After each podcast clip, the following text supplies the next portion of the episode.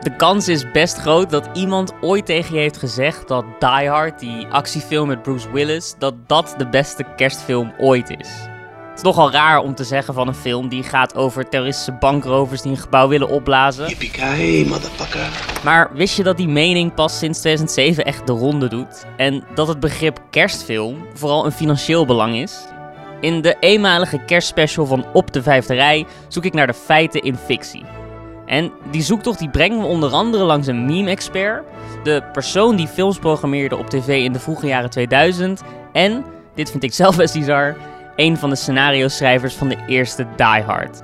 Samen met al die mensen onderzoek ik hoe het kan dat een actiefilm uit de jaren 80 zo onsterfelijk is geworden. En wat zegt dat hele verhaal dan over kerstfilms? En is die grap dat Die Hard een kerstfilm is niet een beetje klaar ook? De antwoorden op die vragen en een hele verfijnde selectie foute kerstgeluiden hoor je in de Op de Vijfde Rij bij Die Hard Kerstspecial. Binnenkort te horen.